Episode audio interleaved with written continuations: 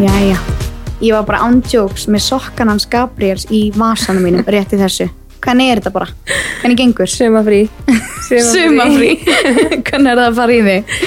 Herðu, bara mjög vel Eh, Það var pínu svona, ég var eftir, er maður ekki alltaf pínu stressaði fyrir sumafrí Jú, eða, ég var svona, ég er svo hrætt um að við fáum ógeða hvort öðru ógeðslega hratt. Já, ég tók sko þarna því að þau eru ekki, þau eru sérst mæstur á leikskóla og marinn að dagmömmu og ég var ógeðslega stressi fyrir að þau varu í sikkoru sumafríinu og þetta var sko samtal sjö vikur eða eitthvað. Og en svo ákveðum við að splitta ég upp þannig ég var með hann heima fyrst í þrjára vikur og svo er ég með hana núna í erindar í fimm vikur eða eitthvað. Þannig að, en þetta gengur bara fyrðu vel, Já. þetta var svona mér finnst ógst að næs, eða ógst að skrítið að segja mér finnst alveg næs að vera bara með hana heima. Já, eða það ekki. Skilur, þetta, er- veist, það er svo öðruvísi að því að nú er þetta búið að vera veist, eitt og hálft ár með þau bæði og það er óslega yfir þyrmandi Já. og síðasta sumar var svo erfitt Já, þegar hann var sex veist, og vinkonum ég var eitthvað svona já, hérna var eitthvað að spyrja um úti í síðasta sumar með þau bæði og ég alveg ég bara man ekki eftir. Nei, hann alltaf fæðist í mars, svo fyrir hún í sumafrí, nei, februar, vá, svo fyrir hún í sumafrí, í júli hann Já, er sex mánuða í þessu sumafrí og veist eitthvað nýfarn að setja og var það er svo mikil vinna að vera með sex mánuða galt barn, alltaf bara eitthvað, sefu þarna, borða þarna sefu þarna og að sinna þryggjára Einmitt. það það bara er munur á krökkunum, þryggjára og fjagra og það er berjálaður munur. ekkert smá. Og líka bara svona mér fannst líka bara svona veginn, þetta var það erfitt að ég bara svona blokkaði bara minni mitt, bara því man ekki hvernig dagur? Minn var, sko, ég var bara ok, við bara klárum þetta, þannig að núna er þetta svona, já, ókslega næst en ég var með ókslega mikið móra að lifa því, þú veist, ég var mér varst ekkert mál að vera með hann í sumafrí þessar þrjára vikur.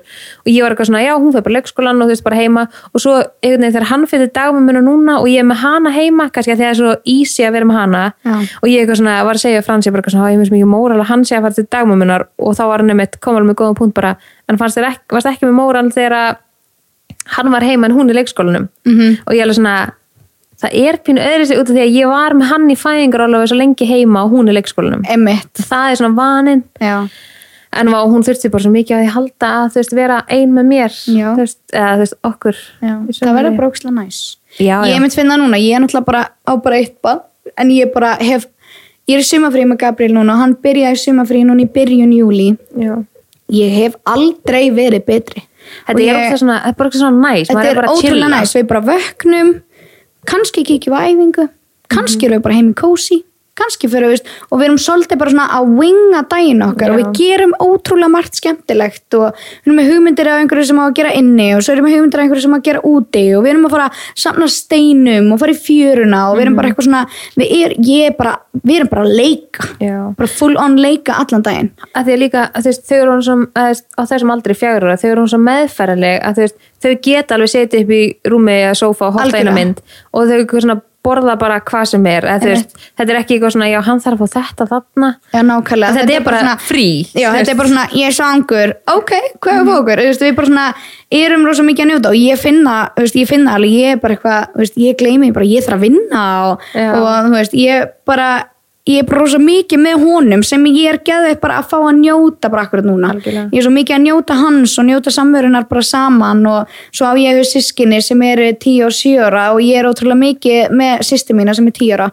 Hún er bara ótrúlega mikið með okkur og hún vaknar stundum með Gabriel og, og veku mig ekki er allt í henni allir búin að borða morgumat og ég er bara eitthvað, já, góðan daginn já, já, veist, þannig að við erum svolítið bara svona já, ég finna bara, ég er á þeim stað núna sem ég bara geðveikt mikið að einblýna á fjölskylduna heimilega sem að mér er bara ótrúlega næs. En finnst þetta ekki líka svona fyrsta sumar núna með hann sem þú ert bara er í, í sumafrí ég, ég hef náttúrulega alltaf verið að vinna svo ótrúlega mikið veist, þang, þegar ég var að vinna á bílalegunni og svona, það var náttúrulega high season á sumrin, þannig að þetta var allt bara svona, og þetta er fjölskyldufyrirtæki þannig að við vorum bara öll að kasta krökkunum og mill okkar og hjálpa stað og reyna að láta sumar einhvern veginn ganga upp, þannig að við hefum aldrei fengið tækifæri til þess að bara njóta sumarsins saman, þetta hefur alltaf verið bara svona, herðu, ok let's do this. Já, veist, við erum ekki bara, veist, núna erum við bara að gera sem við viljum. Þegar við viljum það og bara leika. Mér finnst það ekki Mér finnst líka svo þægilegt eitthvað svona uh, já, þarf ekki að leggja þessu daginn. Ef Já. í bílum þá er það bara allir lægi þannig finnst mér þetta svo mikið frí fyrir mér algjörlega og líka bara við förum í matabóti mamma, pappa og veist, ég þarf ekki að vera komin heim á slæginu átta eða, það er bara svona þá bara vaknar hann að setna og Já, nákvæmlega. þetta er geggja næst Já, þetta er mjög næs. En nýjasta nýtt í fréttum Núna, að- hvað, rétt fyrir helgi Þá áttu við þryggjára vinkona amali það er rétt, Ha? bara eða eitthvað. Bara skál fyrir mér og þér vinkona.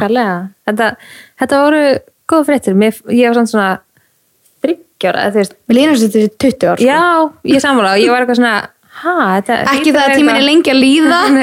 En bara, mér líður þess að ég hafi þekkti allt mitt líf Já. Það er svolítið bara þannig þetta, en ég, ég fór líka að hugsa ég bara svona hvað hva var ég að gera áður en ég kynntist þér eða þú veist, ándjóks, ég var alveg svona það, er- hérna, þú veist að því að við erum í svo brjálæslega miklum samskiptum bara á svo mörgum sviðum, svona, þú veist svona vinnulega séð, þú veist þessu podcastlega séð, mömmulega séð einhvern veginn Heimili, svo bara vinkonu sambandi okkar Og það er bara einhvern veginn allt. Já, það er svo mikið í gangi þannig að ég var bara eitthvað svona, hvað, þú veist jú, jú, þetta átti ég alveg vinkonur og vinkonur ennþá, þú veist, fyrir það en ég var bara svona, þú ert svo stór partur af mér, Já. að mér líður svona pínu svona, eins og við séum stundum í ykkur svona sambandi eða skilur þú veist, ég tala svo ég tala þúsund sinni meira við þig heldur en frans til Það er dæmis. mynd máli og hvers, ég sagði einu podcastina strákanir hefðu bara átt að standa með okkur báðum Já. við alltari eða þú veist, þú er náttúrulega eftir að gifta en Mhm. það er alveg komað því en Já. þú veist að já, þeir eru svolítið að segja ég bara já við öllum pakkanum þegar ég segja já þetta er mér finnst líka bara eitthvað svona að þú veist að ég veit það ekki, mér finnst þetta veginn svona við erum, ég var til dæmis að skoða ég sendi þér á Facebook á hann, ég er eitthvað svona vá, ég er ekki búin að tala við á Facebook síðan á föstudaginn, eitthvað viti og þetta sumafrí er að bara Já. svona við erum svo of uppteknar og ég var svona áðan bara, eins og við erum núna búin að setja hérna þú veist, klukkutíma.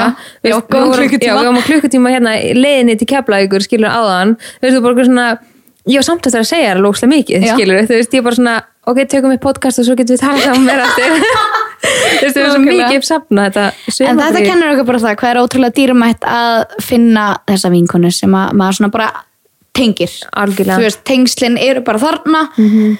og það er bara ótrúlega næs og þó að það séu svona á ég ætla ekki að segja endilega seinni árum, við erum alveg ungar þú veist, en við, þetta er ekki svona grunnskóla system, þetta er ekki æsku vinkonu dæmi sem er kannski algengara. Já, veist, ég fæ alveg ótrúlega mikið mikla spurningar um mitt náttúrulega algengasta spurningin þegar kemur á okkur er þú veist, hvernig kynntust þið og þú veist, hvað er þið búin að vinkonu lengi? -hmm. og mér finnst ótrúlega mikið vera þú veist, af því að við erum svo mikið þú veist, saman og, og, og við erum þú veist, við erum í þannig sambandi að þú veist, það er uh, samband, Já. samband okkar ástarsambandi. já, þú veist, samband okkar er þannig að veist, við gætum alveg veist, gætum verið vinkonur svo svona bara langt aftur algjörlega, og, margir sem halda það það er allir í sjokki bara að við Já.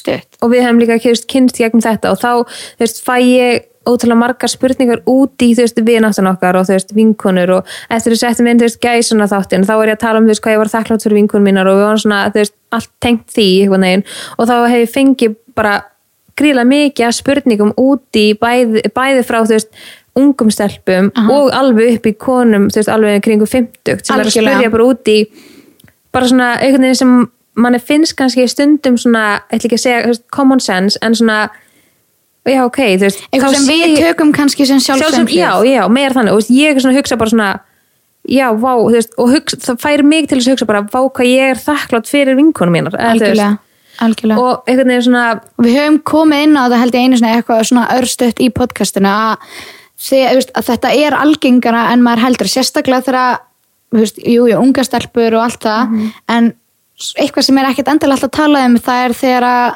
veist, bara, við erum komnar á aldur og búin að eigna spörn og mm veist, það fer ókslega mikil vinna í að bara halda heimili og sinna Mhm. Já. börnunum og þetta er ofta eitthvað sem gleymist en er samt svo ótrúlega dýrmætt Já. að eiga að geta bara skroppi út bara þó það sé ekki nema einn íspíltur bara með, eh, með vinkunniðinni og líka bara hvernig veist, það er aðgengilega samskipti núna í gegnum alls konar miðla veist, og mér finnst sko, spurningar sem að ég hef fengið tengt þess svona vináttu eða svona, já, að eiga vini. Og sérstaklega því að ég veit mjög góðum vin sem er þú veist, ekki sama kyn og ég, sem strákur. Aha.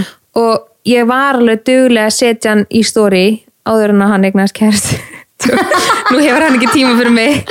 Og hérna, að, veist, þá fekk ég ógst mikið af spurningum líka frá bara fullónum fólki bara hvort að Frans væri sama að ég ætti strákavinn Já, það er eitthvað já. sem er stæðlega mjög grilla og því ég hef aldrei pælt í þannig. Ég hef alltaf einmitt átt ótrúlega marga svona strákavinni en það er líka bara alltaf læg Já, og, veist, og ég fór ekkert um henni í íspíldúr með, með honum, þú veist, sem var bara mjög algengt sem við gerðum, þú veist, bara eins og ég fyrir íspíldúr með þér, skilur og við erum ekki í ísbúð og þá finn ég bara að það sé verið að tala um mig að ég sé með einhverjum öðrum strák, eða veist og það fóru, ég veit, ég man ekki, ég held ég að tala um þetta í einhverjum þættunum að það fóru svo svaglega mikla framhjálpsögur Já. af stað á þessum tíma og ég bara svona, já, já, þú veist, mér gæti ekki verið meira drull því að, þú veist, þetta er bara strákur sem búin að vera vinur minn langt að hann kynntist frans, veist, mér Nákvæmlega. finnst mikið vannverðing þegar fólk lokar á vini sína, hvort sem það er að sama kyni eða, þú veist, ekki sama kyni, þú veist, þegar þú eignast maka, það er svo mikið vannverðing við vinina. algjörlega og líka bara fólk sem er búið að vera til staða fyrir þig og þó það sé, þú veist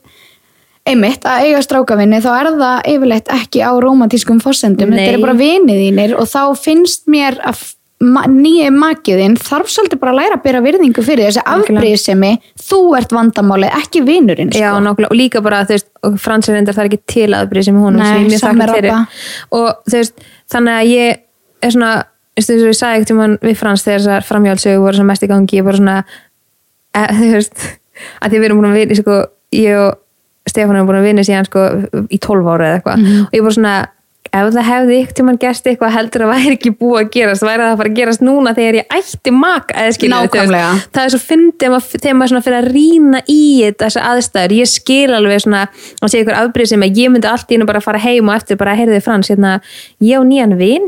og hann heitir hérna Jón og við erum bara rosalega góða vinnir og ætlum bara að vera besti vinnir ég skil að það eru skrýtnar aðstæður. Það er bara svona, hvar kynntist honum og, þú veist, Og hvernig, já, bara ha. en svo þú veist, kynntist ég strák sem að var með mér í skóla þú veist. Mhm. og þá ertu bara svo mikið með einstaklingnum skilur bara alveg svo ég kynntist vinkonum minni sem var mér í bekk í skólanum skilur Algjörlega. eftir ég og Frans byrjum sérst saman. Það finnst mér líka svona pínu öðru sér þú ert svona mikið með fólki, ert að vinna með fólki eitthvað en, en ég far aldrei að hitta hann eitthvað ein, en þú veist, það var bara svona þetta var Nei, svona bara svona því bara. já, þú veist, það er svona öðru sér vinatengsl. Og mér finnst líka gett magnað að maður fer að pæla í svona vináttu og svona tengslum og eitthvað að maður á svo, ég á til dæmis ekkert vinasamband eins og mitt og þitt. Mhm. þú veist, svo ef ég tek til dæmis þú veist, Stefán sem dæmi þennan æsku vinn minn uh, þú veist, við, ég á ekkert einn samband með öðrum strák eins og ég á samband við hann. Nei, eða skilur mig, þetta er svo magna hvað maður getur átt alls konar vinasamband og samt svo sérstök og dýrmætt Já, Þú og, veist, að- og svona fyrir eftir aðstæðum þú veist, það fer eftir hvernig mér líður skilur við hvernig mér finnst best að tala Algjörlega. mig.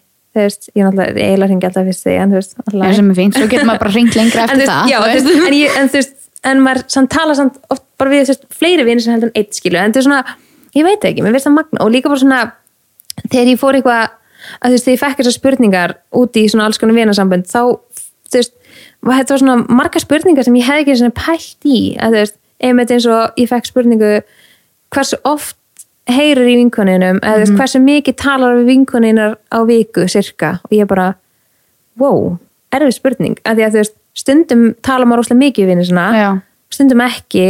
Og já, ég var líka að spyrja hversum, hvenær finnst þú þér þú vera orðin uppáþrengjandi við vinkoninar og ég bara svona aldrei, þú veist, ef, ég, ef þú myndir segja við mig að ég myndi heyra og var að segja við mig eitthvað að ég var uppáþrengjandi þá væri ekki vinkonum minn sko. Það er nefnilega og ef mér málið. myndi líða þannig ég er bara svona búin að ringi þig kannski þú veist, fjóru sem hefur daginn sem kemur alveg fyrir og búin að senda þig kannski svona 30 message á alls konar miðlum skilur sem kemur mjög oft fyrir. Ef ég myndi, svona, ef, ef ég myndi fá þess að flögu í hausina ég, mér finnst ég uppáþrengandi og þá þú veist, þá, ég veit ekki þá finnst mér þú ekki eins góð vinkonum mín Nei, og líka það er bara ekkert þannig. Það er, þú veist, stundum er maður kannski þá bara að gera eitthvað og þá bara svara ég er þegar ég er búinn eða, þú veist, ég upplifi ekki þannig að það sé einhvern tímann uppáþrengjandi Nei. en svo komið þetta tímar þar sem að það er bara nóg að gera hjá okkur báðum Mhm. og þá er bara að vera að sinna sínu og þá á að líka þurfa að vera allt í læg Já, það á að vera algjörlega. hægt að vera bara í sikkur leið og bara sinna sínu sitti og græja, græja og gera og svo bara, hæ, eins og um daginn ég ringdi þig bara, vá, mér líður þess að ég sé ekki búin að heyra ég ætla bara að tjekka stöðuna. Já, já, þú bara, já, bara, allt fínt að frétta. Og þú veist, það var ekki neinn ástæð ég var bara að keira og þú veist, bara, bara svona, vá, ég ekki ætla bara heyri þér en þú veist, eins og, eins og ég var að segja áðan ég er svona, vá, ég ekki, var ekki búin að tala við þig neitt að vita á Facebook, þú veist, síðan á föstudaginn, Já. sem er alveg óeðlilegt fyrir okkur, Já. en ég var samt ekki eitthvað svona, ég var að heyri henni að, veist, Nei, þetta ekki út af veginn einhverjum móral, það er bara út af því að mann er genuinely bara langar það. Já, þú veist, þegar ég átta mig á því skilur, þá bara teki ég upp tóla ringi skilur, Einmitt. en svo ámæri með svona mismunandi, þú veist, sambönd, þú veist, og svo er maður oft, svona mismunandi vinkonu mann, stund ég á alveg svona vinkonu sem ég ringi frekar í, heldur en að senda message Einmitt. og veist, stundum, veist, að ég veit ekki, þetta er bara svona þetta er svo, þú veist, Jú, ég meina ég og vinkunur sem er, Valdís sem er bara, við erum búin að bara ná- nánustu vinkunur bara síðan ég var hvað, þú veist, 12 ára eða eitthvað Mhm. og við eigum svolítið bara svona, veist, jú, jú, stundum ná við hittast ótrúlega mikið, Mhm. stundum ekki, veist, hún vinnur vaktavinnu og er með tveggjara barn og, veist, ná að gera, veist, hún var að eiga og ég var að vinna ótrúlega mikið þá þetta hefur alltaf verið svona bara, við bara svona erum að gera lífið saman og þá hefur við oft vinnasamband okkur svolítið bara að lifa á FaceTime sem er líka bara alltaf læg algjörlega veist? þannig að við svolítið bara svona, ég horfa á þannig ég á, ég vil frekar eiga fáa vini fáa nána vini Já. heldur en bara alls konar ég sammála. og ég vel mér svolítið fólk bara til þess að eins og ég hef oft sagt við þig bara, við erum svolítið bara að gera lífið saman Mhm. og þá þarf að vera ákveðið sveirum til þess að geta verið að gera alls konar hluti en líka bara til þess að drekja svolítið hvor annari í öllu því sem við þurfum frá hvor annari og mér finnst þetta líka að vera bara þannig að þú veist, einhvern veginn ég fæ alveg stundum móral eins og ég á vinkunni sem býr í útlöndum og ég eitthvað svona og ég, ég ætti kannski að heyra meir í henni. En þú veist, ef það kemur ekki til mín veist, og þegar ég fæ henni móral er bara eitthvað oh, akkur heyri ekki meir í henni? Þá heyri ég bara í henni, því þá er þessi tilfinning komin skilur að Algjörlega. heyri í henni. En einhvern veginn svona ég tengi það líka óslega mikið við að þú veist, ég átti óslega erfitt með að vera í miklum svona sambandi við fólk út af því að ég hef komið inn á áður að ég satt, satt alveg pappi minn hann, ég get alveg sagt að hann sé alveg pínu ástæðan fyrir þú alveg ekki tala síman Já, ég skilji þú veist, alltaf þegar hann ringdi þá fór ég bara svona bakla og bara oh, þú veist, að því að þá þurfti ég, að ég þurfti ekki en mér fannst ég þurfa að setja upp einhvern front sem að var ekki ég, Ég að því að þú veist ég var alltaf með það miklu höfnun þú veist, hjá okkar samskiptum að ég svona gati ekki verið ég sjálf. Já. Og mér fannst það ógslag erfitt og ég var alltaf eitthvað svona, já, alltaf ógslag mikið að passa hvað ég sagði svo að myndi ekki setja út af það sem ég sagði og það var ekki rétt sem ég gerði og ég var bara ekki ég þegar ég gætt svaraði síman og þegar ég svaraði síman þá leið mér ógslag illa eftir á að því að þú veist akkur mátti ég ekki bara fá að vera ég? Einmitt. en svo einhvern veginn svona kynnist maður þú veist, svona alltaf bara veist, þarna væri svona kannski 10 til 13 ára eða eitthvað. Og, og svo bara tók ég ákveðin bara, ég þetta var að fara að hafa það mikil áhrif á mig að ég bara svaraði ekki síman og vildi ekki tala við neitt og var bara átti ekki mikið af vinkonum og var bara í yngum samskiptum við vinkonum minna því að eh, við krakkar sem, eh, sem voru með mér í þú veist, bekk og skóla og í grunnskóla og eitthvað að því mér fannst það ógeðslega erfitt að að fá að vera ég, skilur Vá. en svo einhvern veginn, þú veist, átti ég mjög góða vinkonu sem var með mér í grunnskóla í bekk og við vorum bara, við vorum alveg tíu stelpur saman í bekk og bara allt yndislega stelpur en við vorum þú veist, ég fann það ógst mikið hjá mér að ég vildi ekki vera partur af þeim eða skilur, veist, ég var alltaf bara við vorum alltaf bara tvær, Já. ég og þessi hinn stelpan. Og þú veist, ekkert eitthvað að því að okkur fannst hérna leðilega en eitt þannig, en mér fannst einhvern veginn bara svona aldrei rétt neitt sem ég gerði, skilur, út af því að og það spila alveg inn í út með alveg pappa minn, þú veist, mér fannst það mikið svona, fólk myndi ekki vilja líka við mig fyrir það sem að ég var, skilur, mér fannst ég alltaf þurfa að vera ykkur önnur. Og ég var, og ég var alveg ekki ég sjálf alveg ógsta lengi. Þangað til að ég kynist þessar stelpu sem að sem sagt, ég flytandi um hverfi og skiptum grunnskóla og eitthvað og verða ógsta góð vinkona þessar stelpu. Og þetta er svona fyrsta vinasambandi mitt við þessa stelpu sem ég er svona ok, ég get bara verið ég veist, og hún bara fílaði Vá. mig fyrir sem ég var og við vorum bara alltaf saman, þú veist, við eitum saman aðfangadegi, þú veist, bara alltaf saman. Þú veist, ég opnaði pakkana, svo fór ég bara heim til hennar. Og hennar fjölskylda var bara svona fjölskylda mín með tvö. Algjörlega. og, þú veist, og þá var ég bara svona, vá, þú veist, ég gæti bara sagt henni allt og hún bara, þú veist, fór ekki með neitt lengra. Og er oft þessum aldrei skilur svona klíkuskapur hjá, þú veist, í vinasambundum og eitthvað. Og ég var alltaf hrætt við að eignast vinkonur út af því að ég þorði ekki að vera ég sjálf, skilur en þetta var alveg þannig til ég var svona kannski 16-17 ára þegar ég svona byrja að vinna á vinnustað sem að voru veist, 25 stelpur að vinna saman. Og ég var lang yngst og svona þær létum alveg svona finna fyrir í byrjun en þú veist bara eins og vinnustæðir eru skilur en svo bara eignaðist ég ókslega marga góða vinkonu þar. Og þá svona var ég svona vá þú veist ég er alveg nóg góð, eða skilur Vá. þegar ég áttaði mig á því þá svona fór ég að velja með vinkonur út frá því sem að leifa þér að taka þitt pláss. Já, og svona þú veist skildum við bara gett mikið, þú veist, og bara þú veist, okkar veist, við, þú veist, millir mín og þín, þú veist, við tengjumst á svo marga vegu Algjörlega. og svona, þú veist, ég mynd, ég mynd, það er aldrei eitthvað sem að ég myndi ekki segja þér, eða skilur, þú veist, að ég veit að þú myndir aldrei dæma mig fyrir það sem ég er, þú veist, og þú veist, jú, maður áður alveg mismunandi vinkonur, en þú veist, þú ert svona ein af mínum fáu svona nánustu vinkonur sem ég gæti sagt bara, heyrðu, þú veist, ég var í smálendin, ég skeit á mig. Já, Skilur, þú- og þú myndir bara- komið klósipapir? Já, nákvæmlega. Við bara græjum þetta Þú, þú veist, basically þannig, skilur, Já. en þú veist, maður á ekkert svolítið vinasamband við alla, skilur, Nei. og þegar maður talar um vini, þú veist, þú getur alveg sagt að nánast hver sem er sem vinuðin eða vinkona. Eða félagi eða eitthvað Já, en svo svona veginn skilgrina maður svolítið bara sjálfur hjá sér, þú veist, eins og þegar maður fara að heyra eitthvað svona, hver er besta vinkona einn?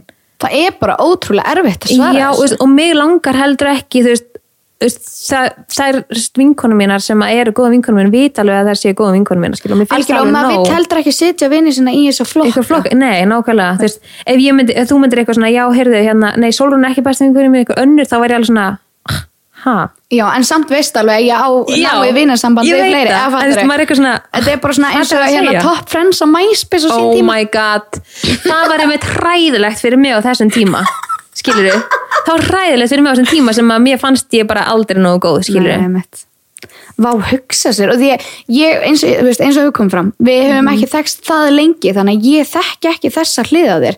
Nú veit ég til dæmis í dag þú veist, þú ert orðin það dominerandi karakter svona, eins og ég, ég hef alltaf verið þannig og átt þannig þannig svona náið vinasamband við mitt fólk og bara fóreldra mína mömmu og stjúpappa minn sem er bara, hann er aðal pappin sko að ég hef alltaf fengið að taka mitt plást, jú ég hef átt mína differences með blóðpappa mínum en það hefur alltaf verið svolítið erfitt út því að hún, ég upplifi svolítið eins og honum hefur alltaf langað til að ná svona tökum á mér. Já. það hefur oft stundum svona smá gengið en mjög takmarka og því ég er það dominanandi karakter. Ef ég er ekki nóg fyrir þig ef ég get ekki verið ég sjálf fyrir þig þá ert þú vandamála ekki ég. Já, já. ég horfi svo á það þannig og mér erst þú vera þannig í dag en ég þekki Já. ekki þess að hliða og ég líka alveg svona pínu svona í mér að vera að tala um þetta því að ég hef, ég hef ekki talað um þetta jú, þú veist, bara við frans og þannig. Mér finnst þetta alveg magna Já, veist, það er alveg veist, það er alveg fáið sem að vit þú veist, ég, ég ég hef aldrei talað um þetta upphátt skilur nema við frans en þú veist, vinkonum mína sem eigur örugglega eftir að hlusta á þetta þau eru bara, já, ég skil hvað hún meinar þú veist, vita bara hvernig ég er skilur bara, já, þú veist, hún er 100% þannig en þú veist, en þú veist Ég, ég veit ekki þegar að því að við vorum að tala um þetta, það get ekki talað í síman og eitthvað svona, þá er fólki eitthvað svona, talar aldrei talar bara, því þú eitthvað svona eina sem hún svaraði, mamma einn, Frans og ég eitthvað Já. og bara þetta bara- gríni, já, skilur, algjörlega. En, en samt skilur og þá hefur svona fækki spurningu bara, veist, talar aldrei við aðra vinkuna hennar í síman, þú veist, hittur það frekar. Eitthvað svona fólk sem var að spá í, skilur, og ég skil alveg þess að pæli ok, því. fólk náttúrulega kannski gott að það komið fram bara svona að ég skjóti þið inn í. Ég er rosa svört í er, með svartan Já. húmor og er bara, ég segja alls konar hluti án þess að segja djók. Ég held bara fólk svona fatti kaldhæðni, það. já, já, ég spurði þeim um daginn, ég held að það sé mikið fólki sem bara svona hatar mig að þóli ekki bara út í, hverju þú bara, já, þú sjokkar alveg fólk sem ég Já. er bara, ó, úps og það er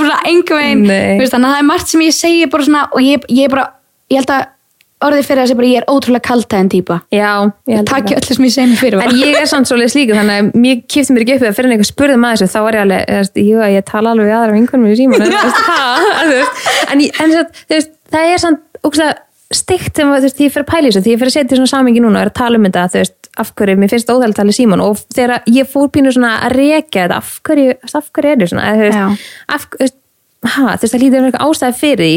En þú veist, svo líka bara svona að maður pælir í því, þú veist, að þetta er mjög persónlegt en þú veist þegar alveg pappi minn þú veist, hringdi í mig, þá hringdi hann í mig alltaf leiðin heim úr vinnunni. Og eitthvað svona já og svo þegar hann, þú veist, hann á hann er giftur og þú veist á börn með, eh, barn með annar konu og þú veist, að börn þar skilur, bara svona al, alveg önnu fjölskylda en þú veist, hann hringdi í mig kannski svona og, og hann komin heim, þú veist, hringdi í mig á leiðin heim úr vinnunni hvað já, þú veist, það var aldrei svona persónlega samræði, bara eitthvað svona, bara svona samræði sem við þurftum sem ég eiga, skilur, Já. bara svona, já, hvað segir, já, heyrðu, já, þannig vinnum við að kaupa mótihjól, kaupa sér mótihjól og ég eitthvað, já, ok, ekki, hún frábært, hm. þú veist, þið svona aldrei að gefa neitt að mér og hann spurði aldrei hvernig ég hefði það, skilur, þú veist, ha, ég var bara, hald, ég var að gera, mér fannst ég var að gera honum sem ekki greiða, skilur, með honum og svo fannst mér ég þurfa honum svolítið svona til að friða samviskuna hans já, já, og, og svo eitthvað svona, já, heyrðu, ég, ég kom fyrir utan heima, ég heyri þér. Og ég alltaf svona, af hverju, þú veist, þarna ég þú veist, 12 ára kannski af hverju, af hverju getur hann, veist, má ekki neitt vita hans ég að tala um mig, Já, skilurðu? akkur þarf hann að ljúka samtalinu áður en hann lappar inn heima? og alltaf, já ég kom fyrir inn heima ég heyri þér og ég alltaf svona, þú veist, svo auðvitað fór ég bara svona, já mér fannst ég það umuleg skilur á þessum tíma að ég bara svona hann má, þú veist, þá má úrlega ekki tala um mig þú veist, hann vill ekki segja hans að tala um mig skilur, mér fannst Oh my God. vera með þannig höfnun skilur og svo eitthvað svona, ef, ég, ef hann ringdi og ég ringdi tilbaka þá heyrði ég eitthvað, já, æ, hérna, já, ég var hans að hópa út í bílskur þú veist, hann talaði ekki við mig heima á sér. Og þá var ég svona, það hlýtur að vera eitthvað ástæði fyrir því. Og þú veist, ég hef aldrei pælt neitt í þessu nýlega en þú veist, það er alltaf þú veist, kemur ofalega í hausn á mig skilur og ég svona, og og leið kannski svolítið í undir með þetta líka Já, og mér leið alltaf svona eins og ég væri svona sem bara svona viðhald, skilur mm. mátt enginn vita, hann var að tala um mig og þú veist, fjölskyldin hans vissi eiginlega ekkert af mér og svona, þetta er svona, þetta er ógstlega skrítið að maður fyrir að pæli í. þannig að þú veist, svona einhvern veginn, já, og svona að upplifa sig þú veist, þegar maður upplifa sig eins og maður sé ekki nógu góður og þú er ekki að vera maður sjálfur, þá er maður ekki réttu vinasambandi, eða ekki réttum aðstæðum Nei, bara í almáttu spænum, hvort sem það sé fjölskylda vinir eða Mhm. ástasambandi eða vinasamband, forðaður út í alvöru tala ef að þetta er staðan. Já, algjörlega veist, mér finnst bara allir einstaklingar eigi, veist, þetta er bara mannréttindamál að Já. fólk eigi bara að fá að vera það sjálft og blómstra í því sem að allt, ég á að fá pláss til að blómstra í öllu því sem ég er Mhm.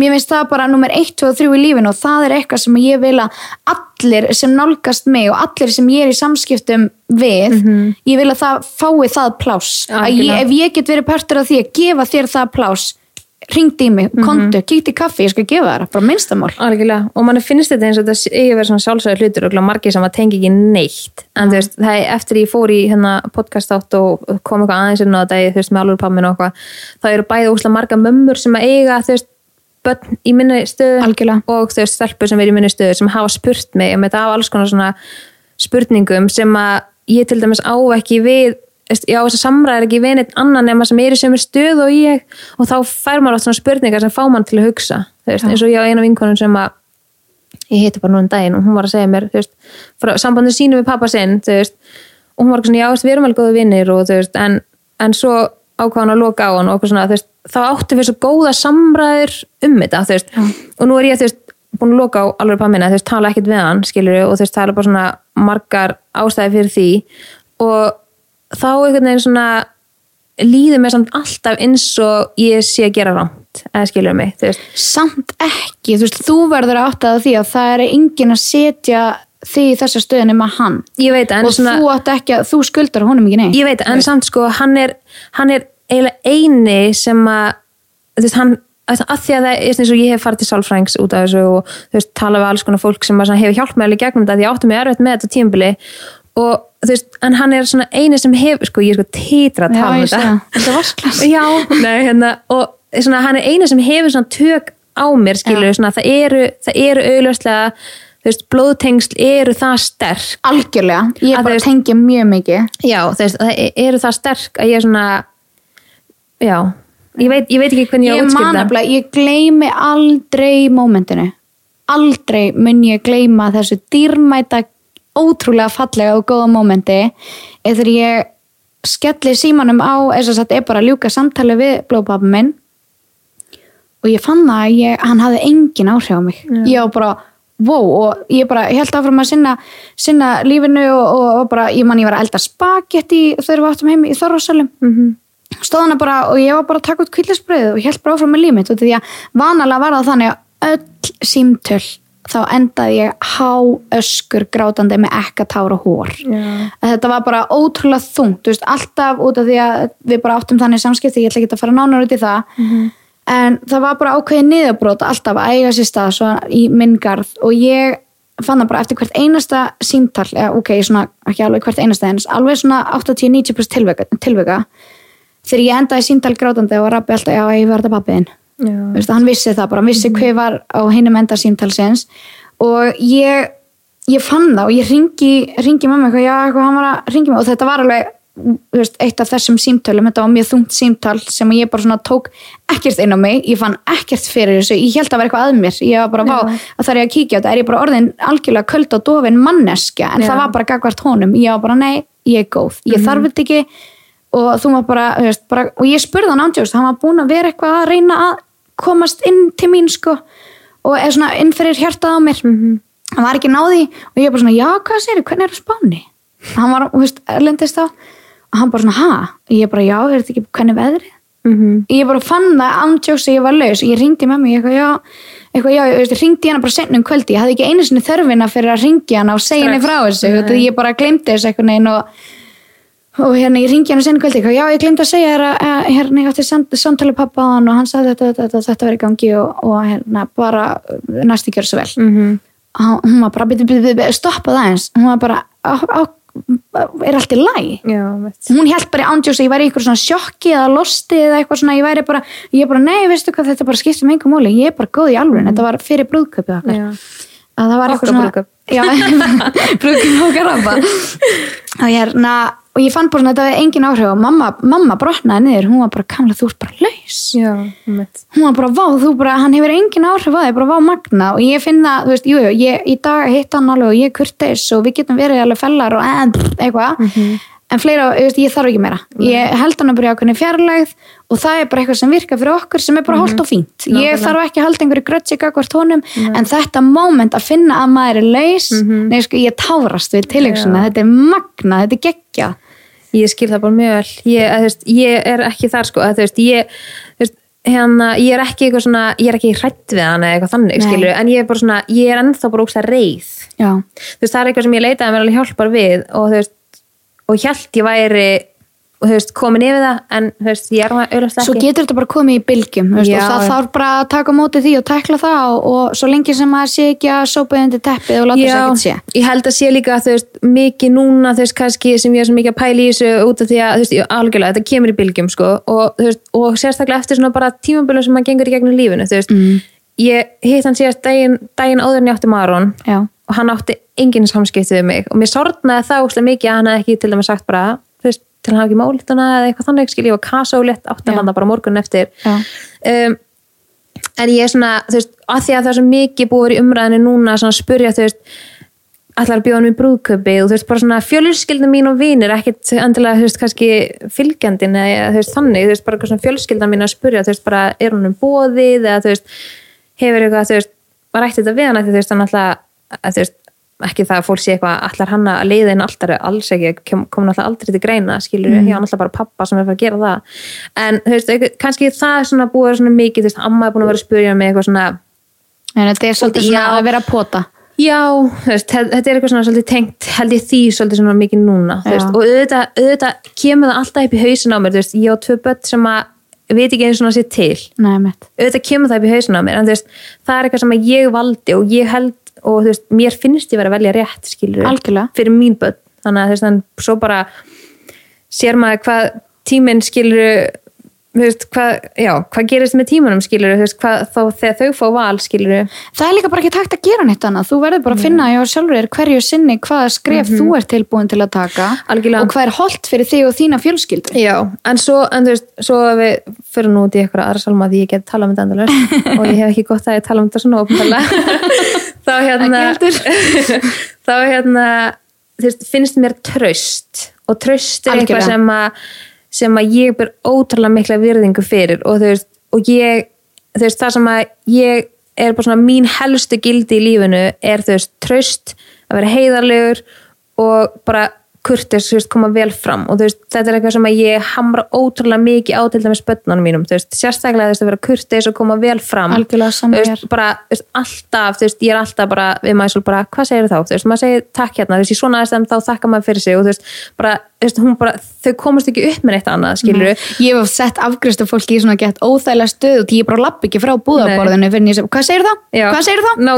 Það er að bara ef þú kennir þetta ekki núna, þá festist þetta ekki, bara bara meðfætt, skilur finnst mér, en svo með svona tröst, veist, það er veginn svona ég held að tröst sé eitthvað sem að er bara svona myndi ég flokka sem bara helsta kost í fari annars fólks veist, bara tröst er eitthvað sem að, veist, eitthvað sem að er bara skilgrinu okkar vináttu er bara 1, 2, 3 tröst veist, ég veit, geti sagt bara hvað sem er og þú veist, á þess að þá fyrir utan það að þú setja að fara að dæma og þannig, ég bara treyst þér 110% og maður finnur það alveg hjá fólki sem að þú veist, ef fólk leifir sér að þú veist, ef þú myndir segja mér eitthvað sem að myndir sína fram á vantraust við, veist, við aðra vinkonu hérna eitthvað þannig, þú veist, þá myndi ég bara svona er bara fyrsta rauða flaggi, bara svona akkur á ég að treystinni ef einhver annar getur ekki treystinni hún að segja mér frá því? Einmitt. þannig að þú veist, mér finnst eiginlega allar mínar svona nánustu vinkonur og þú veist, vinir er, þú veist það sem að, og það sem að mér veist mest heitlandi í fara hjá Frans til dæmis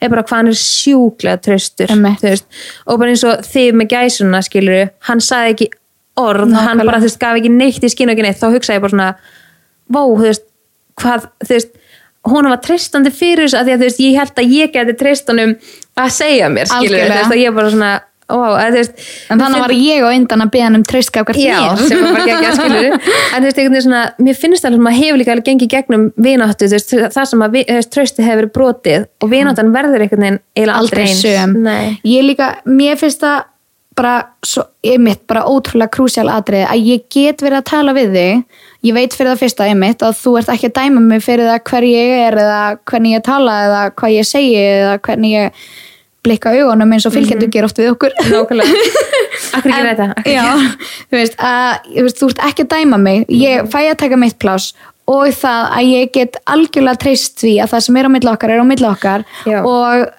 ekkert endilega út af einhverjum skýti eða eitthvað en það er bara, maður þarf svolítið að fá bara plás til að venda Já. út af því ég get komið til þín bara í alls konar skapi út af bara trjánum sem er að vaksa úti. Veist, ég er bara, bara af alls konar. Og það er bara, veist, hvort sem maður sé bara maður er bara á þessum tíma í tíðarhingnum eða þú veist, það er bara alls konar, lífið er svo alls konar og ég þarf bara að fá að eiga þessa mannesku sem ég get bara algjörlega treyst fyrir því að ég veit að þú ert að segja mér bara hlutina eins og þeir eru. Þú ert ekkert að sugarkóta það og þú ert þú bara, já, þú veist, við fáum bara að vera við. Já, og líka bara þú veist þetta þú veist, þegar ég, mér finnst ég knúin til þess að segja, þetta er bara á milli okkar þetta fyrir neitt lengra þá er ég stressuð um að ég sé að lendi aðstæðum sem að mér langar ekki að lendi skilur Einmitt. þú veist, og mér finnst maður ekki þurfa að segja, þú veist, segja þessa hluti og þú veist, bara svona að ég veit ekki, þú veist, þú veist og svo ámæðust eins og við höfum alveg oft talað um, þú veist, þetta er svona þú veist, þetta er svona vinkona eða vinur sem að veist, segja manni alveg helling og maður heldur út af fyrir sig en ég myndi aldrei segja sömu hluti tilbaka að það ég get ekki treyst. en þú veist, mér finnst ekki þú veist, auðvitað ámar svolítið vinni og man, mann langar líka alveg eiga þú veist, fjölbreytta vinni en mér finnst samt líka þú veist, að fólk geta alveg tekið til sín að þú getur alltaf þú veist, þú getur alltaf bætt þú getur alltaf byrja bara þú veist, ég, ég hugsaði veist, mamma og pappi hömruðu svo ógeðslega mikið á þessu við mig þegar ég var úlingur þegar ég var í svona 9. og 10. bekk alltaf bara þú veist ekki vera, þú veist, þetta er bara svona aldurinn sem að þú baktalar ókslega mikið og sérstaklega Já. núna hvernig samfélagi við lifum í núna þú veist, það fólk er að setja ótrúlega mikið á samfélagsmiðla og það er auðvelt að séra áfram og þú veist, gaggrina Gagnrýna. og þú veist, setja út á og allt þetta sem er ókslega bara ótrúlega ljótt en þú veist, maður getur alltaf bara byrja að bara, á, bara tekið ákvörðum bara, heyrðu, nú ætla ég bara að vanda mig í samskiptum við vini minna, þú veist, eða maka eða, þú veist, á netinu bara, þú veist, ég ætla bara að hætta þessu, þú veist, og svona, þú veist, þó með sig kannski vanur og svona kannski orðinn svona pínu fastur í þessu og er í svona ákveðin vinahóp, þú veist, þá getur maður líka aðeins trappa sér niður og bara svona aðeins svona fara í svona lay low gýr skiluru og síðan bara ákveði bara, ok, þú veist, ég ætla bara að vanda mig meira í samskiptum við mitt fólk af því að þykir Þegar- vænt um það já og þú veist, að því að einhver tíman, einhver tíman á eftir að komast upp um þig, einhver tíman átti eftir að vera nappaður í að vera að segja eitthvað ljótt eða gaggrina eða þú veist, þetta fer hringin eða þú veist, einhver pikkar í, einhver pikkar í vinnin og bara heyrðu hérna en hún er ógst ofta að segja ógst ljótt þú veist, Já. langar bara að koma þér frá mér þú veist, að að, þetta er orðið svona yfirgnæðandi skilur sem er ógst mikið í samfélaginu dag og ég heyr oft stelpur eða konur vera að tala um vinkonu sinna og vini og ég er bara svona æ, greið vinkonu þín Þú en þú heldur þú sért svaka Tappi, kall- já, já, já. þú veist að koma til mín og segja mér þetta en þetta er eitthvað sem að sem að ég vil ekki heyra, Nei, mér langar ekki vita. Það er einmitt líka máli að þú veist ég vil geta, veist, ég ákvaða að temja með það fyrir nokkrum árum að, og alveg, við, við kennum það báðar. Við hefum alveg báðar verið á þannig stað í lífinu að vera einmitt bara, þú veist, ekki endilega bara fallegar við fólki í kringum okkur, eða, þú veist, bara slúðrið og allt þetta, detti innan gýr en svo er svo mikilvægt að geta tekið sér úr þessum gýr og farið bara algjörlega í reverse. Og bara minna sig á og bara hva, þú veist, hvernig manneskja vil ég vera? Ok, ég vil vera svona og ég ætla að haga mig svona. Og ég tók ákvörðunum það á sín tíma ég vil ekki segja neitt við neitt sem að ég gæti ekki eða segja neitt um neitt sem ég gæti ekki sagt við andlita. Þú veist, ég segja aldrei neitt um þig sem ég gæti ekki sagt í veist, það er bara eitthvað svo ótrúlega mikilvægt að temja sér, ef þú ætlar að vera einhver kall, eitthvað voða tappi að segja, eða eitthvað gæla, whatever að segja við drulliði viðkomandi við vinniðina eða einhvern annan þá áttu að geta ef þú ætlar að vera svona stórmanneskja þá áttu að geta gert það við viðkomandi líka. Algjörlega, en líka bara þú veist eins og hefur oft komið fram áður að þú veist að það er alveg stólum þess að segja. Já, ok, hvernig, hvernig gekk þetta? en það er svona að þú veist, já það segir miklu meira ef ég var að baktala þig, ég var Já. bara svona við erum ógstu góð vinkunur og ég bara geggi vinkunur fyrir þig þegar við erum saman og ég fyrir síðan heim eða hitt aðra vini eða vinkunur og, og ég fyrir síðan að baktala þig, veist, það segir miklu meira um mig heldur en þig. Algjörlega. og þú veist, og mér langaði einmitt svo mikið að segja þetta við sýsti hérna um helgina þegar vorum að, sem hún Sandía sem er tíu ára Já. þú veist, og svona tala um svona vinkonur og eitthvað svona, þetta er bara svona erfiðustu árin hennar sem hún á eftir í vinasamböndum. Þú veist, mér langaði svo mikið að taka hún og bara hrista hana. Ekki það að sé eitthvað, issues en eitt þannig þetta er bara svo mikið svona, mér langaði bara svo mikið að hrista hana og bara nennir please að hlusta á mig því ég hefði viljað að ykkur bara Er barið sinni hausin á mér þú veist, þó svo að fóreldrar mínu voru alveg duglega þú veist, að segja þetta við mig og þú veist, kenna mér alls konar þú veist, á lífið og þú veist, með eitthvað svona tips og eitthvað, en þú veist, það var ekki nóg það var ekki rétt nálgun á það þú veist, Nei. og ég með, þú veist, með, þú veist, er strax svona byrja með mæsóla því að stelpur byrja mikið fyrr á þessu og þú veist, eitthvað svona mæsól kom ekkert um hann heim og bara eitthvað stelpunum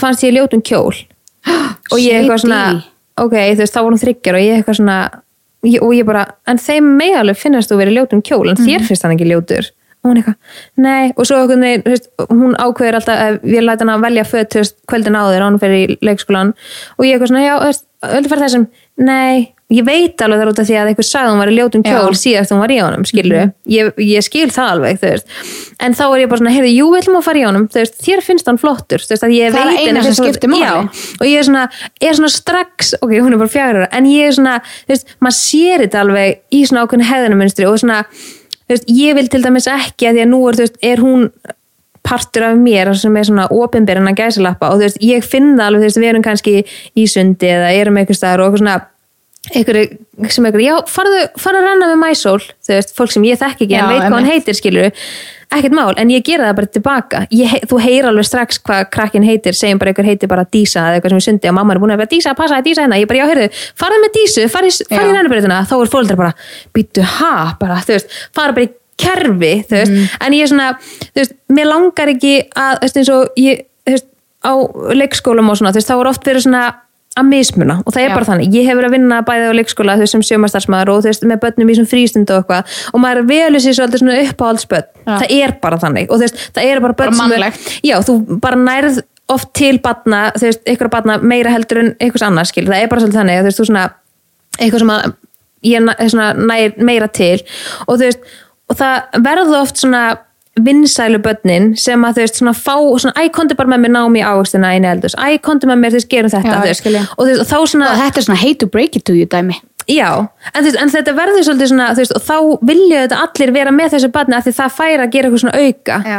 og veist, ég upplega svolítið þannig veist, á leikskólinn sem Mæsól var á fyrst þá upplega svolítið þannig að, að það var verið að mismuna, en veist henni, þú veist, ekki vera hún fekk ekki minna en aðrir, hún fekk meira heldur Já. þú veist og, ég veit ekki hvort það sé tengt í út þú veist, hvað, þú veist, að því að veist, hún er krútlega að fyndin að sæta skemmtilega út af mér eða whatever, mér er alveg sama.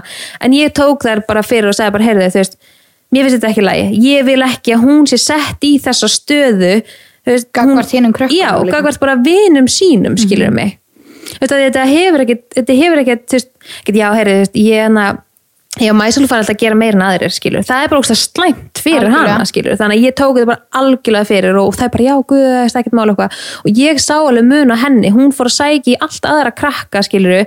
Og hún hætti líka að hanga í starfsfólkinu eitthvað svona og í þessum, þessum þú veist, ok, ég veit að það eru bara börn og eru mjög ungana en þess að þetta kemur bara í ljós og ókist að snemma skilur svona í þú veist, hvernig vinasambund þú ert í og svona og fylgið þessu áfram. Já, og svona sækir oft í eitthvað svona eldri krakka og eitthvað, svona og lærir svona ósið of snemma, skilur við en ég sá alveg mikið mun á hann eftir að ég fór að segja líka við hann, hún er svona, já þessi leið mér ekki vera með og svona útskýra fyrir henni, alls konar svona vinasamband og bara, það er alltaf lægi, þú veist. Þeim finnst þú kannski ekki skemmtilega, en það er alltaf lægi þú veist, finnst það bara eitthvað krakka sem að vilja leika við þig, þannig er bara lífið, skilur þú veist, þú, það eigi ekkert öllum að líka við þig, þú veist, hún eitthvað já, ok, þú veist, þá bara fer hann að leika einhvern annan, skilur, og hættir að tuði yfir þessum stelpum, Já, í staðin fyrir að það er svona, svona venjulega svari væri bara jú, jú, Já. henni finnst þú fín þú eru bara að spyrja eftir, eða eitthvað svona stelpur leifiði mæsul að vera með Það er bara versta sem hún getur gert ég veit, sko. en þess, það er samt svo algengt sko, þú Ég veist, veit ég það. man alveg Það er eftir þessu já, þú veist, líka bara svona, þegar hún var að byrja nýjum leikskóla þú veist, það er bara allir búin eignast ykkur vinasambund og allt í að fara að tróða ykkur um öðrum krakka með. Auðvitað eiga þau ekki að skilja út undan að vera vond ég er ekki að segja það, en þú veist, mér finnst samt ekki lægi að vera eitthvað svona þess að þegar Mæsól nennir ekki að hafa Maron með þú veist, þá er ekki, jú, hann á að vera með. Já, bara til að þú þarft einhverja pásu. Þú veist bara, já, heyrðu, ok þú veist, en að því að hún er úrst að góð við hann almennt og leifur hann að vera með, en hún þarf líka að fá sitt breyk, skilju, þannig að þetta er svona þetta byrjar úrst að snemma Já, það, það þarf svolítið að finna bara milli veginn þannig að veist, bara góða, það er bara ákveðin lína sem er hægt að fara of mikið yfir hægra megin og of mikið yfir vinstra megin. Og mér finnst líka bara mér finnst bara akkur að hún, eða akkur er ekki börn og ullingar skilur að fá að velja bara vini sína nákvæmlega eins og við veljum ég er ekki að fara að hitta ykkur að gælu að því að mamma sagði mér að hún væri ekki ekki næs og væri alveg skemmtileg Það skilur er nákvæmlega máli veist, bara, Algjörlega. þetta virkar ekki þannig Nei. þannig að mér finnst þig að fá bara líka svona skoðun á strax Já. En hvað finnst þér, þú veist, eins og með uh, að eignast vini á seinni árum, veist, eins og bara fyrir okkur sem mömmur, veist, ég til dæmis upplifi, nú flutti ég í neitt, nýtt bæjarfélag, að í, hvað er komið, já það er komið Ár, ásina í flutti, vá. Mm. -hmm.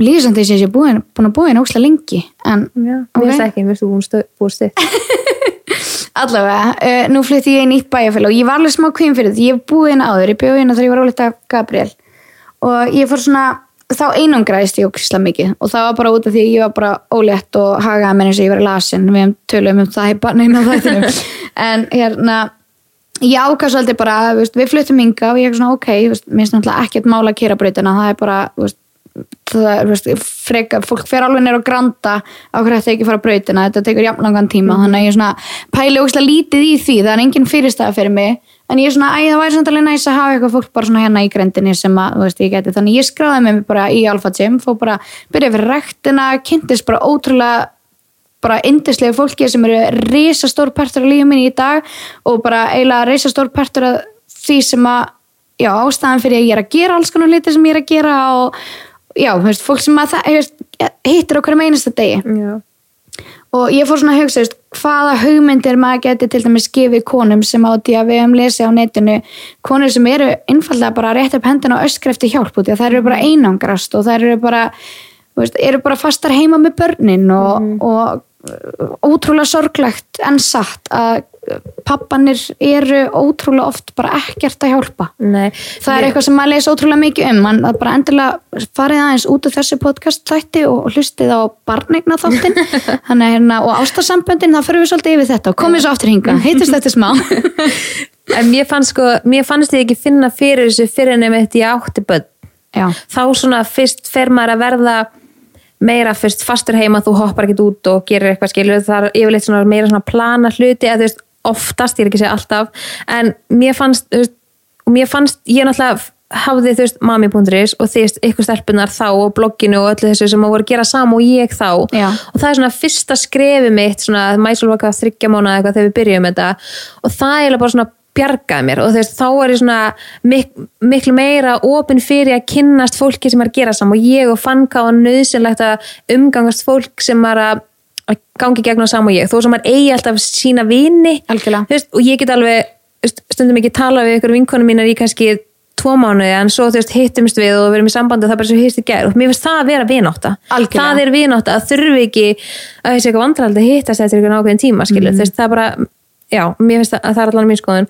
En þá fann ég, þú veist, hvað var gott að ég svo, var mikið að sækjast í að hitta stelpur sem var með börn og svona tala um, þú veist, allt sem tengist í og tala um bleiur og barnakúk og já, algjörlega, þú veist, það er bara þannig. En svo, þú veist, svo, þú veist, þegar maður var eins ást þá fór ég að háar í eitt ár og þá hitt ég fólk sem að var í námi, skilur, og var að gera sam og ég þá. Og þá tengdist ég þeim ógstlega mikið, Já. þrátt fyrir ég væri mamma. Þá var bara svona, þeim kapla svolítið lokið fæðingarólun og því svolítið lokið en ég átti ennþá þær vinkonur og bara svona dýrmætt, skilur komið svolítið bara í rútínu. Já, og þú veist, þú svona bara, þú veist, varst bara gullmólið sem ég fekk út úr mammi.is og þetta sem samfélagsmiðla dæmi þá. Takk, og hérna og svo þú veist, einhvern veginn kynnist ég fullt af fólki þar líka í skólanum skilur sem var að gera sam, og ég. Og ein svona mjög góð vinkonu mín sem að ég kynnist sem með mér í bekk og bara svona mér finnst einhvern veginn, ég hugsaði þegar ég var svona 16-17 ára þá hugsaði ég, já, að því að ég var í yngur sambandi við stelpunar sem ég var með í grunnskóla ekkert, þú veist, ef yngur eitthvað svona vinkonur sem ég hitti eftir það, þá hugsaði ég bara svona, vá, ég á aldrei eftir að eiga neina vinkonur. Það skilur eitthvað svona góð vinkonur, eða þú veist eitthvað svona bestu vinkonur eins og ég átti í grunnskóla. En svo, svo er það svo bara mesta bullshit sem ég hef heyrt, út af því, þú veist ég er búin að kynast núna þrem þremur held ég, alveg bara svona mjög nánum vinkonum mínum meðal annars þú, bara eftir ég var þú veist, hvað 23, fjagra Já, skilur, eða algjörlega. 25, sem- ég er 25 ég kynst þér ekki, veist, eftir 25 Já. þannig að þú veist, þetta er bara einhvern veginn svona að, að, að þóra skrá sig í nám að þóra skrá sig á alls konar þú veist, námskeið. Því svo fór ég á crossfit námskeið í hérna crossfit Reykjavík, hann að mömmu crossfiti þar kynist ég líka fullt af konum skilur og stelpum með börn og þá bara svona að fara að sinna áhagamálunum sínum algjörlega og þóra að fara á alls konar staði út í eins og maður segir, svo hittir maður fullt af fólki, sumir eru bara vinnir yfir það tímabili, Mhm. Já. eða tímabil og sumir eru einmitt þessi gullmólar sem að koma svo með manni út lífið, Algjörlega. þannig að það er bara svona að skrá sig hvort sem að segja, ræktina einhvers konar líkamsrækt, Mhm. bara hópa tíma eða bara box eða eitthvað, mér er alveg sama eða jóka,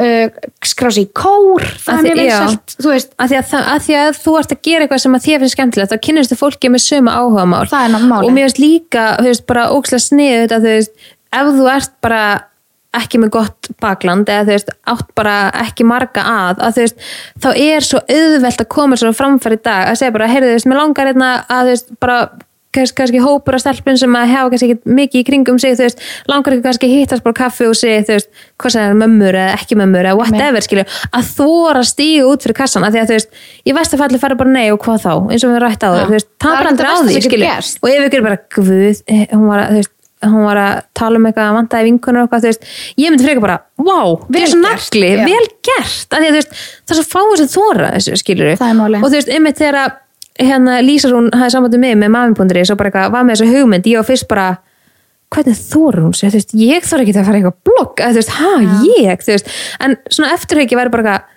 just nagli var hún að bara hóa okkur nokkur saman og svo með bumbuhópin hann með Maron, þú veist.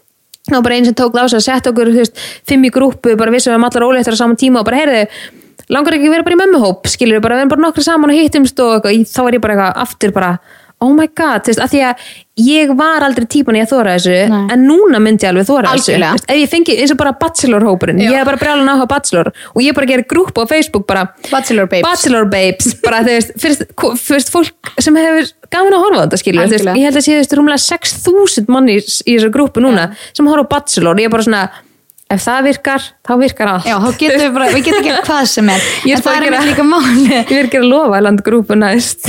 Við verðum að gera það, það er eitthvað sem að við þurfum að það ræða. er juicy Ég stuff ætlaði einmitt að segja að þegar að tala um strákavinnina að vera svo veist, við verðum að gera raunveruleika þátt ég að segja þér það. Við erum búin að tala um þetta svo lengi. Þannig að ef að stöðtu vil heyri okkur þá bara hérna, bara kæjett kæ Þetta verður bara við. Nei, ég hérna að ég, mér finnst þetta ótrúlega virðingavert þegar fólk tekur svona frumkvæði og ekkert endilega jú, veist, ef við lokum þeim kapla bara einmitt að taka ný skrif og þú þóra að mæta á einhvers konar námskeið eða því mér fannst það svo erfitt að Já. mæta til dæmis á crossfit námskeið. Nei, ég var að skýta í ég, var alveg mig. svona, ég, ég tengi ekki þar út. Ég er, svona, er alltaf bara eitthvað ég í mínum heimi og er bara að fara og græða og gera og, og svo er bara fólk alls þar og ég er bara svona, já ok. Við erum sko að tala um það að ég skráði mig á júlinámskeiðið Já. þau veist 2018 uh, ég mætti ekki fyrir ennum miðjan ágúst ég skráði mig á júlinámskeið sem byrjaði veist eitthvað 3. júli eitthvað. Miðjan ágúst væri bara, nú fer ég. En ég var búin að vera alla heina dagana, nú fer ég. Nú fer ég, þetta þarf bara svolítið svona svolítið I don't give a shit hugafar, Já. bara svona ok og hvað gerist? Ég er ekki að segja þetta, það sem pointið mitt er að veist, við erum ekki að segja þetta þessi auðvelt. Þetta getur verið ógeðslega erfitt fyrir marga og bara Já. mjög yfir þyrmandi sem var fyrir mig, þú veist, að ég er alveg svona freka tilbaka kartir, en eftir að ég mætti þá voru líka bara, fann ég bara ok, ég er svo 100% rétt um stað. Að því ef mér hefur liðið eitthvað, ó, þetta er ekki fyrir mig þá hefði ég ekkert mætt aftur, Nákvæmlega. en ég var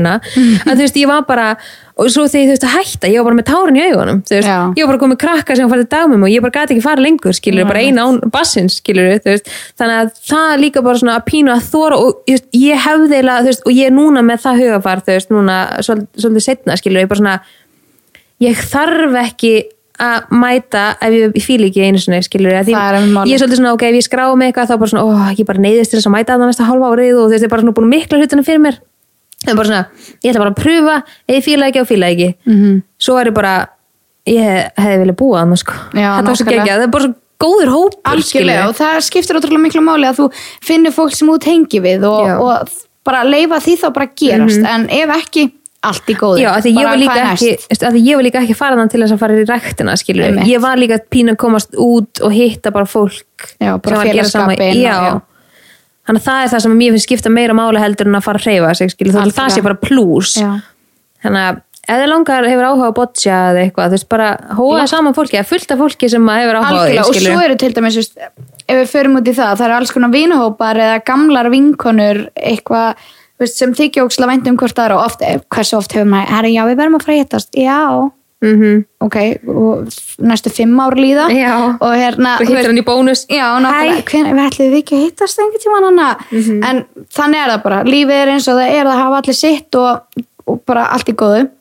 En svo er að finna það hjá sjálfum sér að geta orðið þannig karakter að bara svona, hei, ég ætla að byrja matabóð heim til mín, hverju, hverju vilja koma? Já. og þeir sem komast, þeir koma frábært Nákvæmlega. uh, og svo bara, veist, halda boltanum þannig rúlandi algjörlega. Og það finnst mér alveg aðeinslegt ég til dæmis, við ætliðum að gera nokkra saman varum nokkrar óléttar á sama tíma og áttum sameinlega vinkonur og svona þannig við ákvæmum bara svona hóa allan hópin saman.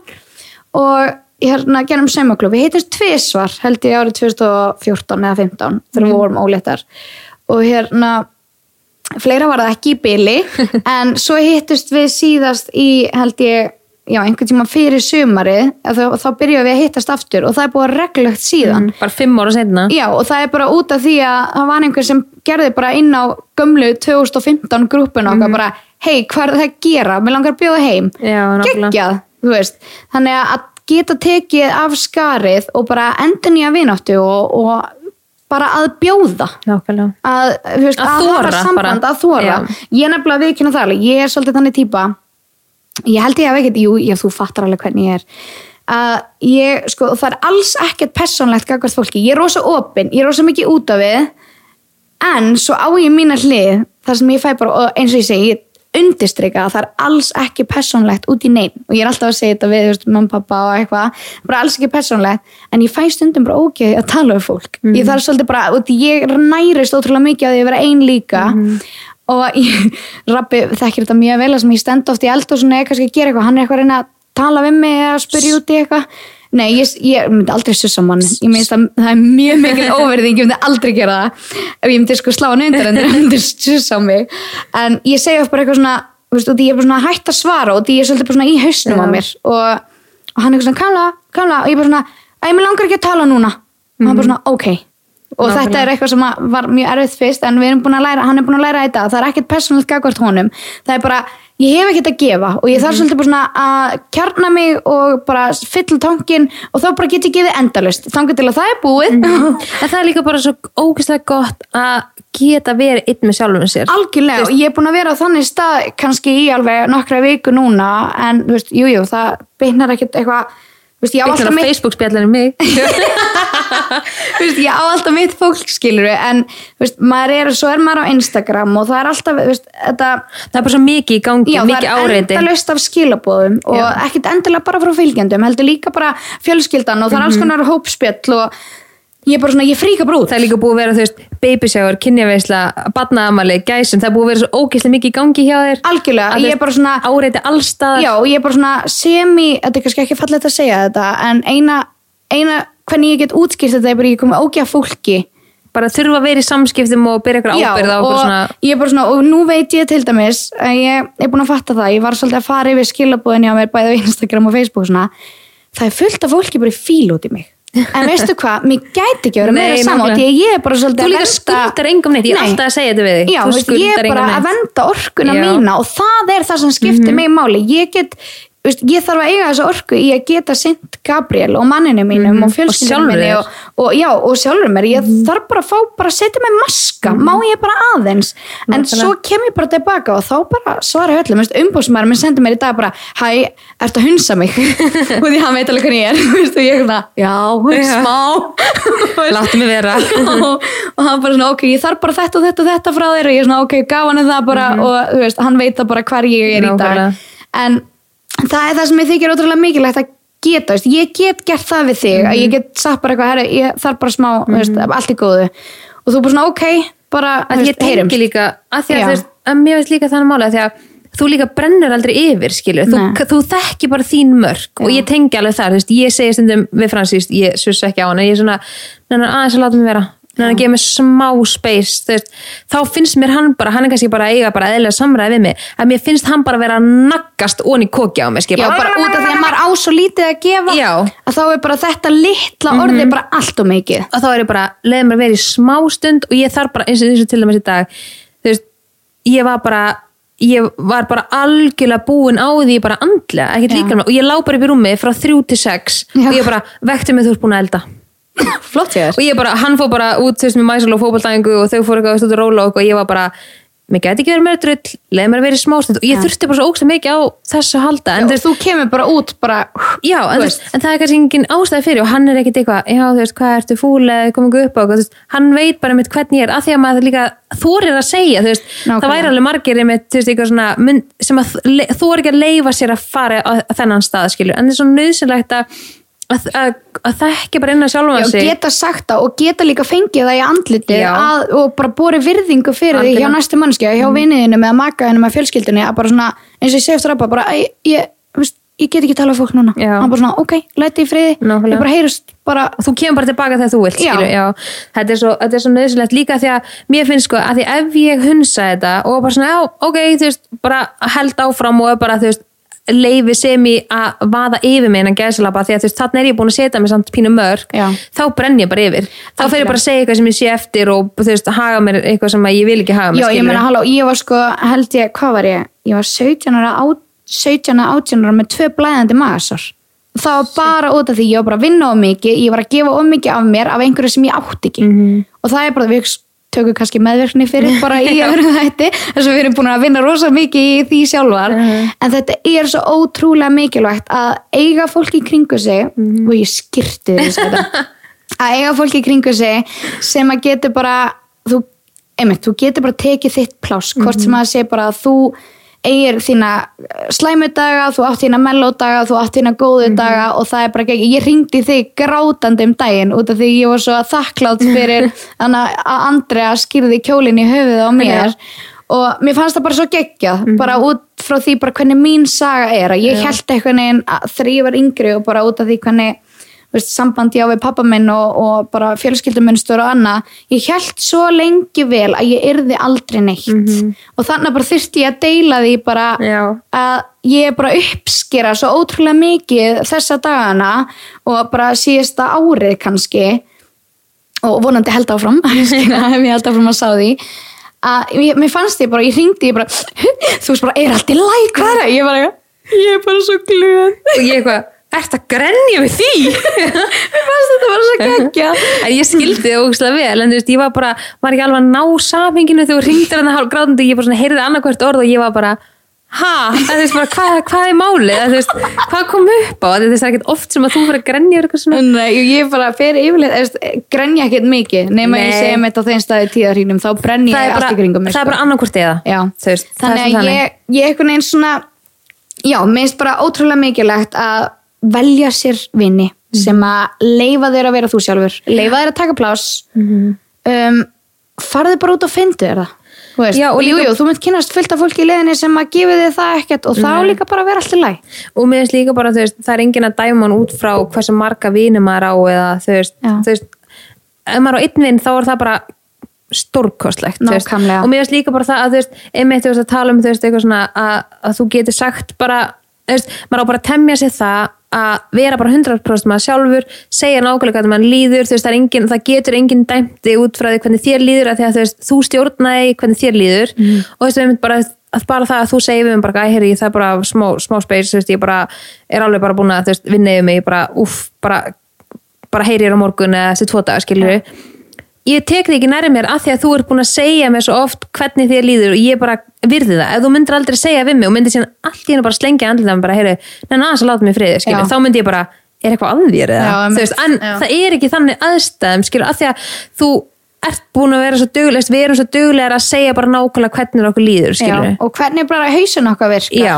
og það á maður einmitt að geta gert ef maður ætlar að gera þetta fara út í lífið saman. Og líka það að það er alltaf hægt að þótt maður hafi ekki tamið sér eitthvað og ég hef svo oft sagt að þú veist að taka nokkra góða kosti Mhm. þú veist eins og að maður hlustar þetta podcast bara ó, ég get alveg tekið þetta til mín að skrifa hjá sér og lesa reglulega yfir það þegar maður getur alltaf orðið betri í þú veist, Einhverju. daginn í gær já, og bara svona sett sér markmið bara ég ætla að bæta mig í þessu og tekið eitthvað svona góða punta frá alls konar fólki, þú veist, þegar maður hlustar á podcast eða sjónvarsþátt eða heyri viðtölu við fólk sem er lendi í alls konar reynslu Mhm. og bara er eitthvað sem maður nær til manns maður getur alltaf bætt sig Já, og það er eitthvað sem ég lærði alltaf sein algjörlega, ég er alveg samanlega sko, Íslendingar eru rosa mikið þannig að þeir eru rosa mikið allt eða ekkert. Já. ef þú heyrir, ég get kannski verið að hlusta á þig segja eitthvað, bara segjum að ég segi eitthvað þriði aðili. Ég er að hlusta á stóri hjá þér, þú ert að segja eitthvað uh, og segir eitthvað sem ég fíl ekki. Já. þá ert þú bara alveg búinn fyrir mér. Bara ég fílaði ekki Já, hún bara, hún sagði þetta eina og þetta er bara alveg búið bara, uh, en svo gætur einhver tíman sagt eitthvað sem ég tengi við Mhm. og á mjög vel við mig þá stundina en þá er ég samt búin að stimpla þig og því ég fíla þig ekki. Já, veist, þannig að og þessi svipri hefur leiðan að svipa á teipi Já, ég bara, mér fannst þetta mjög mikilvægt. En það er bara svo ótrúlega ég veit ekki, að geta bara tekið það góða úr hinn og þessu, þetta þarf ekki að vera svona sört og hvítu sko. Nákvæmlega bara eins og, þú veist, eftir að við byrjum þetta podcast, skilur, Já. þá fekk ég, það setur svo í mér einn skilabóð frá konu sem að sagði bara nákvæmlega hvernig staðan var, hún fílaði mig ekki, tengdi aldrei við mig, skildi bara aldrei pointið mitt með mínum samfélagsmiðlum, en eftir að svo hlustaði hann á eitt þátt og hlustaði síðan á fleiri og var bara eitthvað, bá, þú veist, ég tengi óslega mikið við þig, en ég skildi aldrei, þú veist, en hún var bara kannski búin að horfa eitt stóri og skildi mikið. Og núna á ég mjög miklum samskiptum við þessa, Nákvæmlega. þennan einstakling. Og ég er bara svona, en ég hugsa alltaf, en hún fílaði mig ekki einu sinni. Já. skilur við En það var bara út af því að hún vissi ekki ég veit hún það, en, en samt innst inni svona, ég ætla ekki að segja kannski sárna mann ekki en ég man alltaf eftir þessu skilabúðum af því að hún fílaði mig ég hugsa alltaf bara svona hvað gerði ég til þess að hún fílaði mig ekki? Hún skilur kannski horfði bara á eitt story eða tvö story að hún vantaði allt kontekstið þarna á milli. Algjörlega. En mér finnst það líka alltaf lægi skilur en, veist, en það er bara svo fyndi hvað maður verður oft hörundsár og, fókusa bara á neikvæðluti í staðan fyrir að hugsa bara, ok, hún síðan bara fílaði sem hún var að gera skilur og, og temja sér það líka bara sem eitthvað sem ég lærði eftir að við byrjum á samfélagsmiðlum ég tek engu persónulega að fólk þekki mig ekki persónulega. Já, ég, það er svolítið bara þannig. Já, ég var alveg til í að vera það sko stundum. Þú kemst þanga, Það full að trúa þér Það fyrir eftir hvernig skap ég er inni en já, ég hérna já, það er svo margt sem maður getur í Ég veit að maður. maður getur tekið svo marga vinkla en ég held að það sé bara komið gott að þessu. Já, Það ekki bara. Við erum í eitthvað annað. Mm, kannski næst, Kanski næst. Að ég klára þetta? Að ég kom með þetta? Þetta voru bara við. Ú, vel gert